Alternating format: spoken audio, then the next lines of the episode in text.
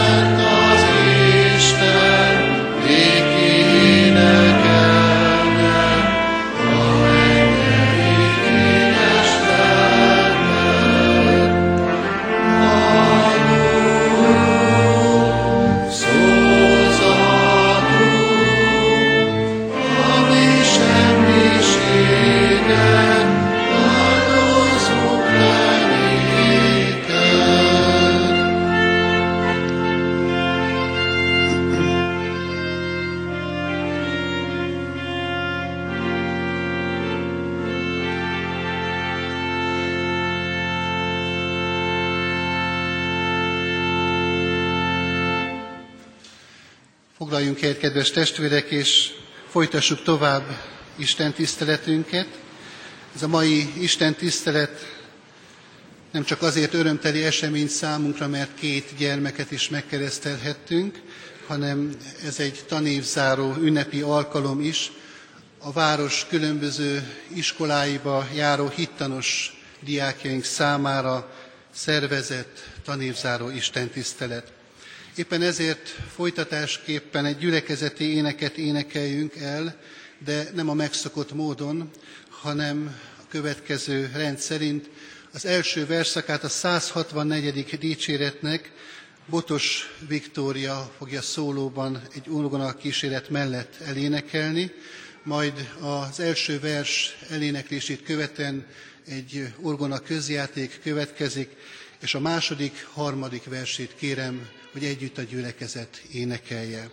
Így készüljünk az ige hirdetés hallgatására és szolgálatára.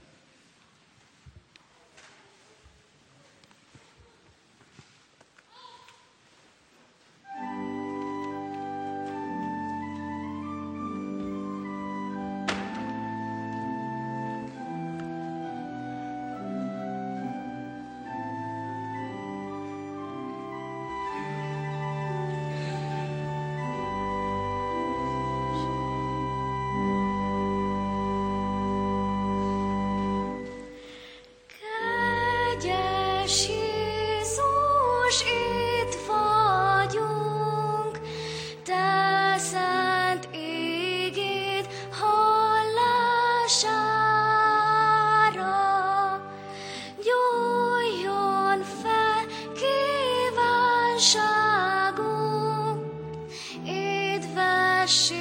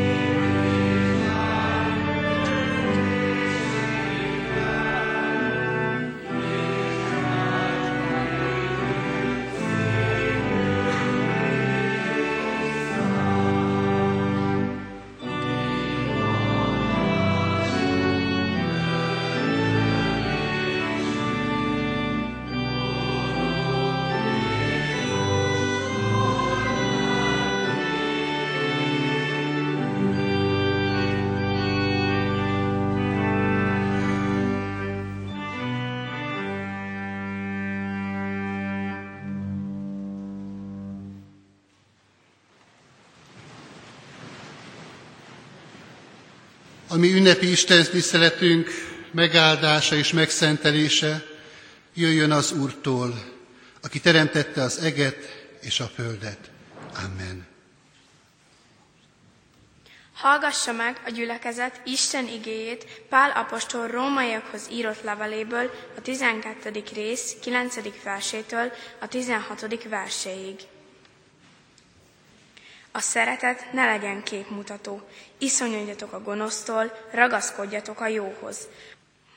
A testvér szeretetben legyetek egymás irány gyengédek, a tiszteletadásban egymás megelőzők, a szolgálatkészségben fáradhatatlanok, a lélekben buzgók, az Úrnak szolgáljatok.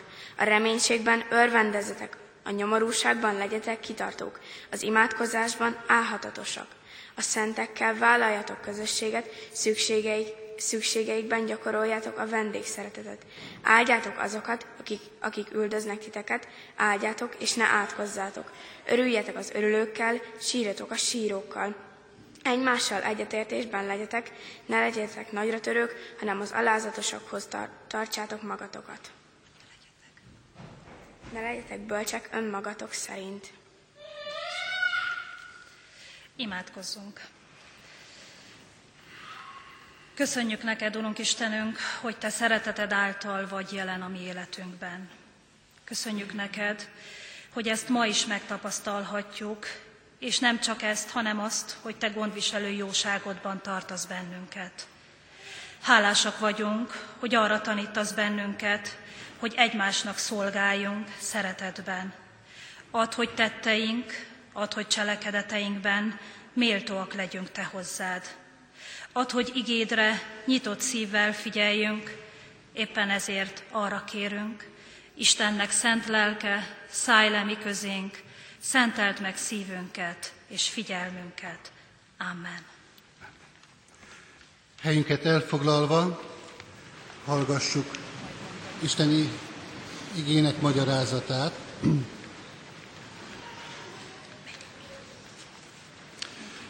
Kedves gyülekezet, kedves testvérek, ebből a fölolvasott ige szakaszból, római levél 12. fejezetéből egy igeverset szeretnék kiemelni, amely következőképpen hangzik.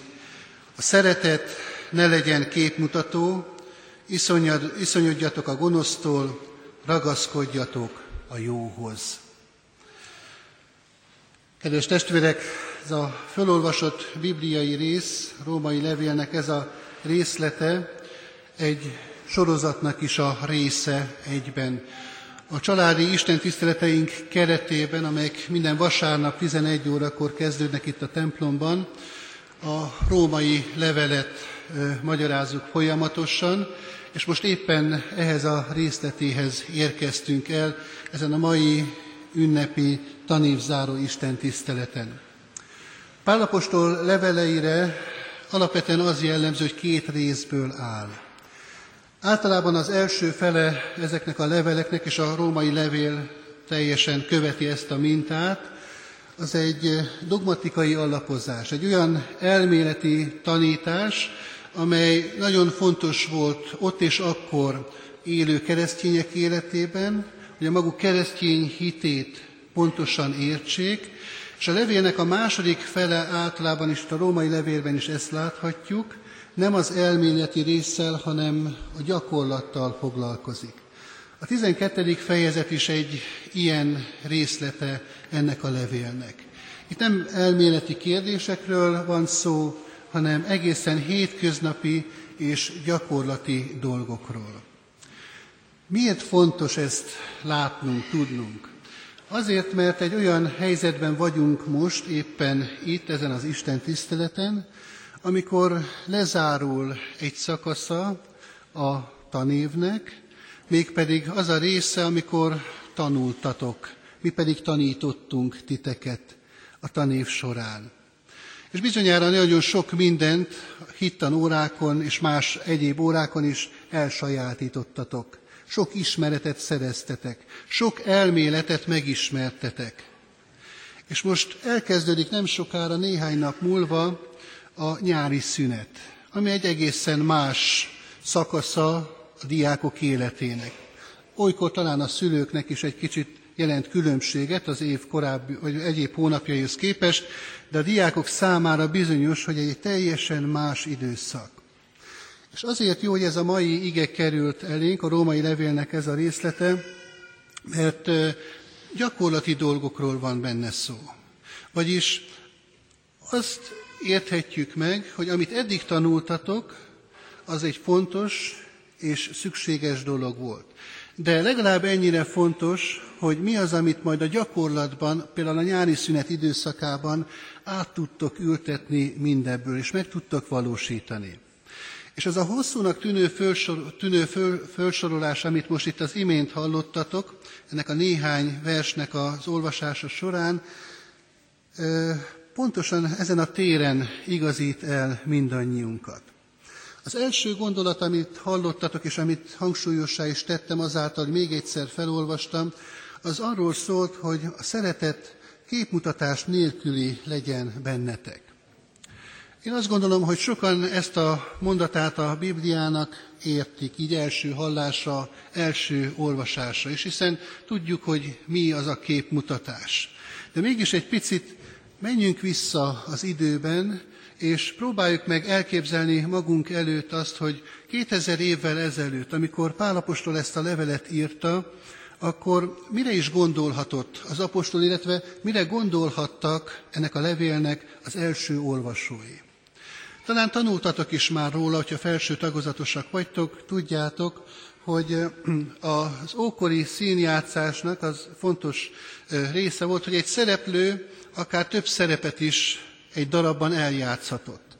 És ez azért nem volt zavaró a néző közönség számára, mert amikor egy másik szerepben jelent meg ugyanaz a színész, akkor maga elé egy ilyen ö, képet, egy ilyen maszkot tartott, ami jelezte azt, hogy ő egy másik szerepben van most. És innét ered ez a kifejezés, amit mi most így képmutatóként olvastunk ebben a fölolvasott részben, és már is közelebb kerül hozzánk mindaz a gondolat, amit az apostol a szívünkre szeretne helyezni. Tehát amikor azt mondja, hogy a szeretet képmutatás nélküli legyen bennetek, ez azt jelenti, hogy ez ne egy szerep legyen a ti életetekben, amit az ember szükség esetén megjátszik. Nem csak olyan állarc, amit fel lehet tenni és lehet venni, azt szerint, hogy éppen mi az érdeke az embernek, mire van szüksége. Ne csak egy póz, ne csak egy látszat legyen a szeretet az életedben, hanem azt mondja az apostol, hogy ez egy belső tartalma, fontos eleme, alapja legyen az életednek. De ugyanakkor fontos azt is látnunk, hogy ne csak nem udvariasságról van itt szó, nem jól neveltségről, ami természetesen jó dolog, hogyha a gyermekeink életében ez tapasztalhatóvá válik, hanem fontos, hogy ennél sokkal többről van szó, mégpedig arról, hogy Krisztus szeretete belülről fakad, és bentről kifelé hatva mutatkozik meg a világ számára.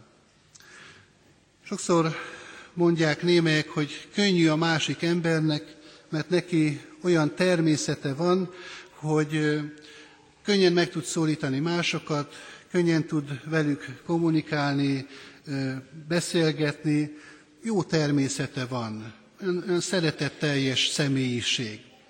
Most hát ezt is fontos tisztán látnunk, hogy amikor Isten igéje beszél a szeretetről, akkor ez nem egy ilyen adottság pusztán az ember életében, hanem az egy belülről fakadó olyan érték, amely a Krisztussal való személyes közösség táplál.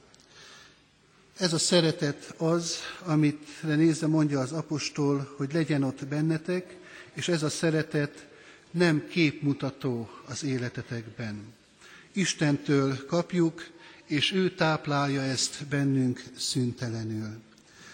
A másik gondolat, amit szeretnék kiemelni ebből a fölolvasott ége szakaszból, azt mondja az apostol, hogy iszonyodjatok a gonosztól, és ragaszkodjatok a jóhoz. Talán ezzel a mondattal is úgy vagyunk, hogy hát különösebb magyarázatot ez sem kíván. Talán ezt is mindannyian értjük, hogy miről is van itt szó. De mégis, hogyha egy kicsit a mélyére gondolunk ennek a útmutatásnak, akkor megérthetjük azt, hogy itt nem kedveskedésről van szó pusztán, nem mézes-mázas, mindent elnéző, mindenre fátyolt borító érzelmességről, hanem néha bizony nagyon határozott hangvételről és kemény szeretetről van szó. Ha kell, megmeri mondani szeretetből fakadóan a másiknak azt, ami helytelen, ami nem jó, lemeri leplezni a másikban ezeket a dolgokat. Sokszor fordul az elő, hogy az ember töpreng magában, hogy vajon megmondhatom-e a másiknak, ha látom, hogy valamiben helytelenül járt el, rosszul cselekedett, hogy mit csinált. Vagy nézzem el inkább, és ne szóljak neki, nehogy megbántsam vele. Én azt gondolom, hogy volt már ilyen dilemmánk mindannyiunknak, hogy mit tegyek most. Nos hát, azt gondolom, kedves testvérek, hogy ha úgy tudjuk megmondani a másiknak azt, amit helytelennek látunk az életében például, hogy azzal megbántjuk az embertársunkat, akkor valóban nem mondjuk meg neki azt, amit gondolunk. Mert ebben nincs benne az a szeretet, amiről a mai napi igénk beszél. Nem egyszer hallottam már, amikor valaki így fakadt ki egy bizonyos helyzetben, majd én megmondom neki a magamét. Nos hát, ezt a magadét semmiképpen nem mond meg a másiknak, hanem mondd meg a Krisztusét. Azt, amit Krisztus tanított neked az elmúlt év során, vagy akár az elmúlt években, évtizedekben. Mert az, ami valóban épít, gyógyít és segít, hogyha Krisztusét tudod mondani, és nem a magadét. Az a szeretet, ami a keresztény ember életében van és kifelé hat, az egy féltő szeretet. Tekintettel van a másik emberre, és Krisztusi indulattal fordul a másik felé. Azt is olvastuk ebben a szakaszban, a római levélnek ebben a részletében, hogy ragaszkodjatok a jóhoz. Azt gondolom, hogy ez is egy nagyon fontos tanács, és bármennyire is evidenciának tűnik magától értetődő ez az útmutatás, mégis nehéz ezt megcselekedni. Mert a nyilvánvaló jó dolgokhoz könnyű az embernek ragaszkodni, de egyértelműen beszél a Szentírás arról, hogy nem csak a nyilvánvaló jó dolgokhoz való ragaszkodásról van itt szó, hanem ahhoz a másikhoz is, akire rátekintve talán első pillantásra semmi jót nem fedezünk föl. De mégis van benne jó. A legelvetemültebb emberben is egészen bizonyos, hogy van valami jó, mert Isten őt is megváltotta, és őt is szereti. Talán sok-sok hibával küzdik, sok-sok hiányossággal, de mégis, hogyha szeretettel tudunk felé fordulni, akkor ez a szeretet, mert a szeretetnek van hatalma, képes őt változtatni, formálni, alakítani. Az igazi szeretet az nevelő erő is egyben. És ennek a folytatása következhet a nyári szünetben. Sok-sok példát találunk a Bibliában arra nézve, amikor egy embernek az élete ennek a szeretetnek, a Krisztusi szeretetnek a hatására formálódott át egészen. Csak a legközismertebb példák közül egyet-kettőt hadd említsek. Zákeus történetéről bizonyára sokan tanultatok, és sokat hallottatok.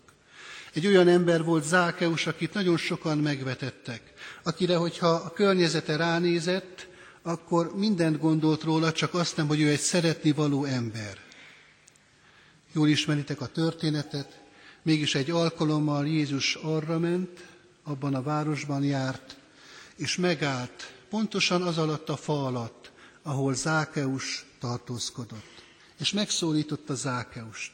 És tette ezt egy olyan szeretettel, amely Zákeus számára, ez, ez a kemény ember, aki megmakacsolta magát, már mag, magát a, a rossz mellett évtizedek óta, mégis egyértelmű választ talált engedelmeskedni a názáreti ácsmester fiának. Lejött a fáról, beengedte az otthonába, és a történet végére az is világossá vált számunkra, hogy nem csak az otthonába, hanem a szívébe is.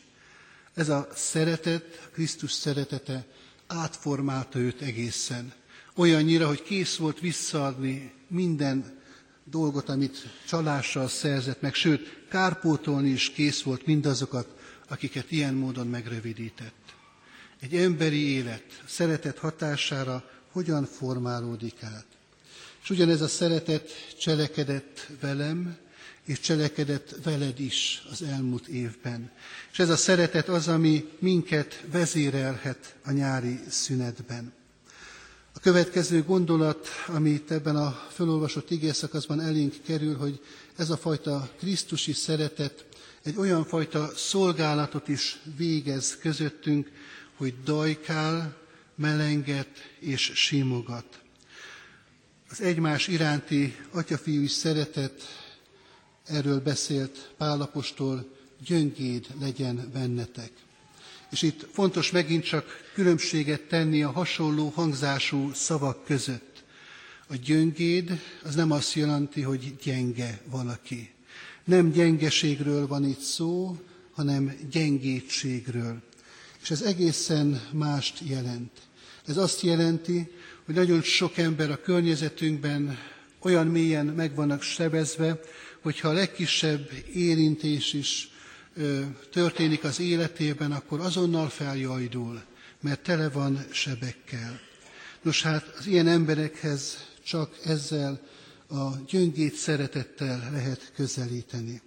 És vannak olyanok is sokan, akik megfagytak mindattól, amik, ami velük történt az életük során. Ez a gyöngéd, gyógyító szeretet az, ami egyedül hathat az életükben, mint ami megolvasztja az ő fagyott lelküket. Erre biztat minket ez az ige a nyári szünet vonatkozásában, és egész életünkre nézve is.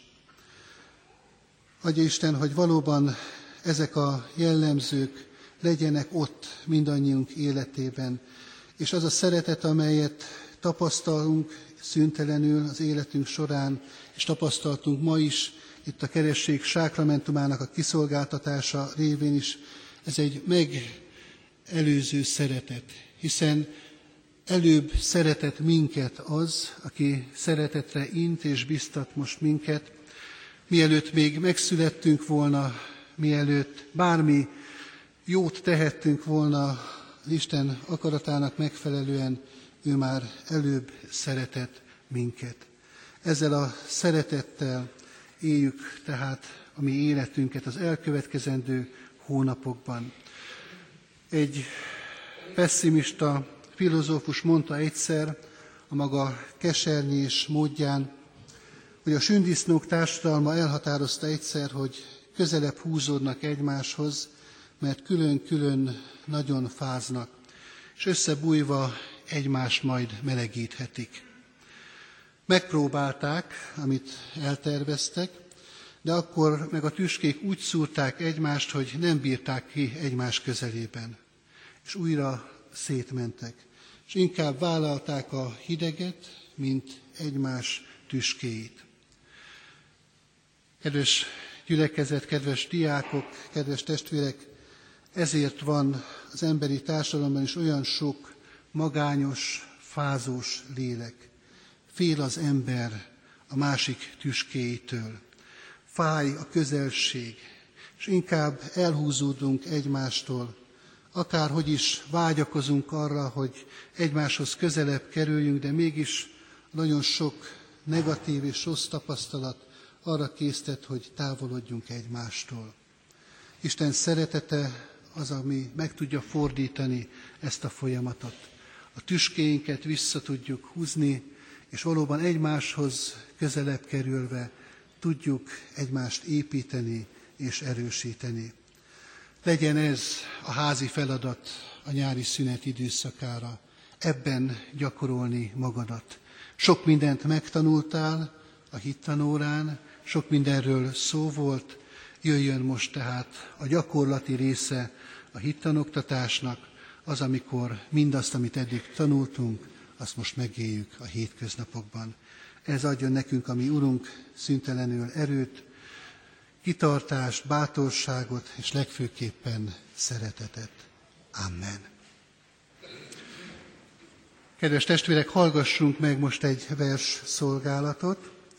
Reményik Sándor Csendes Csodák című versét hallgathatjuk meg Szipli Hanna előadásában. Reményik Sándor, Csendes Csodák. Ne várd, hogy a föld meghasadjon, és tűz nyelje el Sodomát. A mindennap kicsin kis csodái nagyobb és titkosabb csodák. Tedd a kezed a szívedre, hallgassd, figyeld, hogy mit dobog. Ez a finom kis kalapálás nem a legcsodásabb dolog? Nézd a sötétkék végtelenbe. Nézd a szürke kis ezüstpontokat. Nem csoda hogy árva lelked feléjük szárnyat bontogat? Nézd árnyékod, hogy fut előled, hogy nő, hogy törpül el veled. Nem csoda ez, hogy tükröződni látod a vízben az eget? Ne vár nagy dolgot életedbe, kis hópályhek az örömök, szitáló, halk sziromcsodák. Rajtuk át Isten szól, jövök.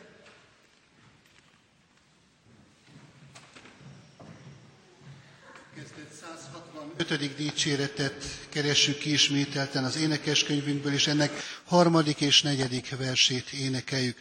A harmadik vers így kezdődik, csodálatos felség, hadd dicsérlek téged.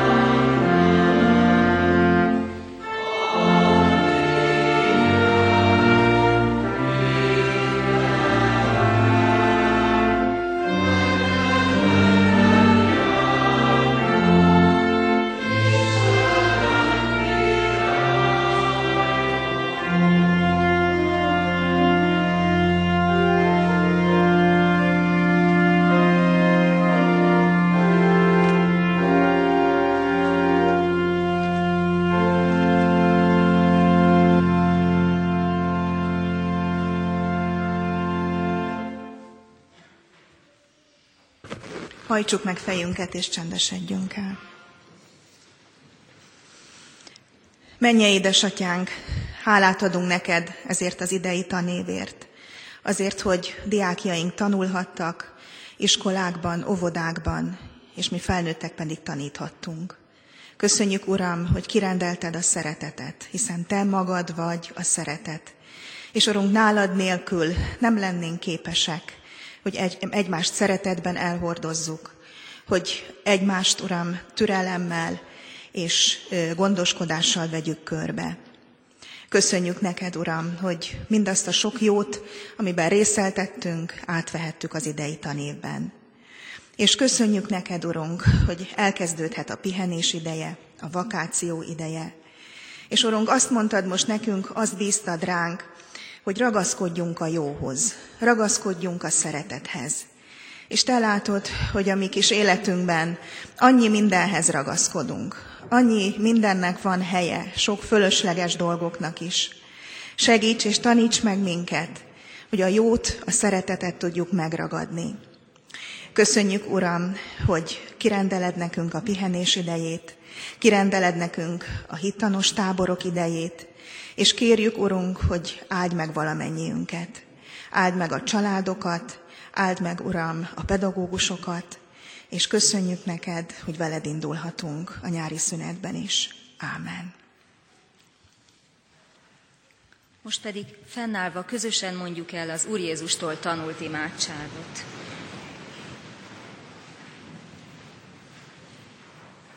Mi, atyánk, aki a mennyekben vagy, szenteltessék meg a te neved. Jöjjön el a te országod, legyen meg a te akaratod, amint a mennyben, úgy a földön is. Minden napi kenyerünket add meg nékünk ma, és bocsásd meg védkeinket, miképpen mi is megbocsátunk az ellenünk védkezőknek. És ne vigy minket kísértésbe, de szabadíts meg a gonosztól, mert tiéd az ország, a hatalom és a dicsőség mindörökké. Ámen.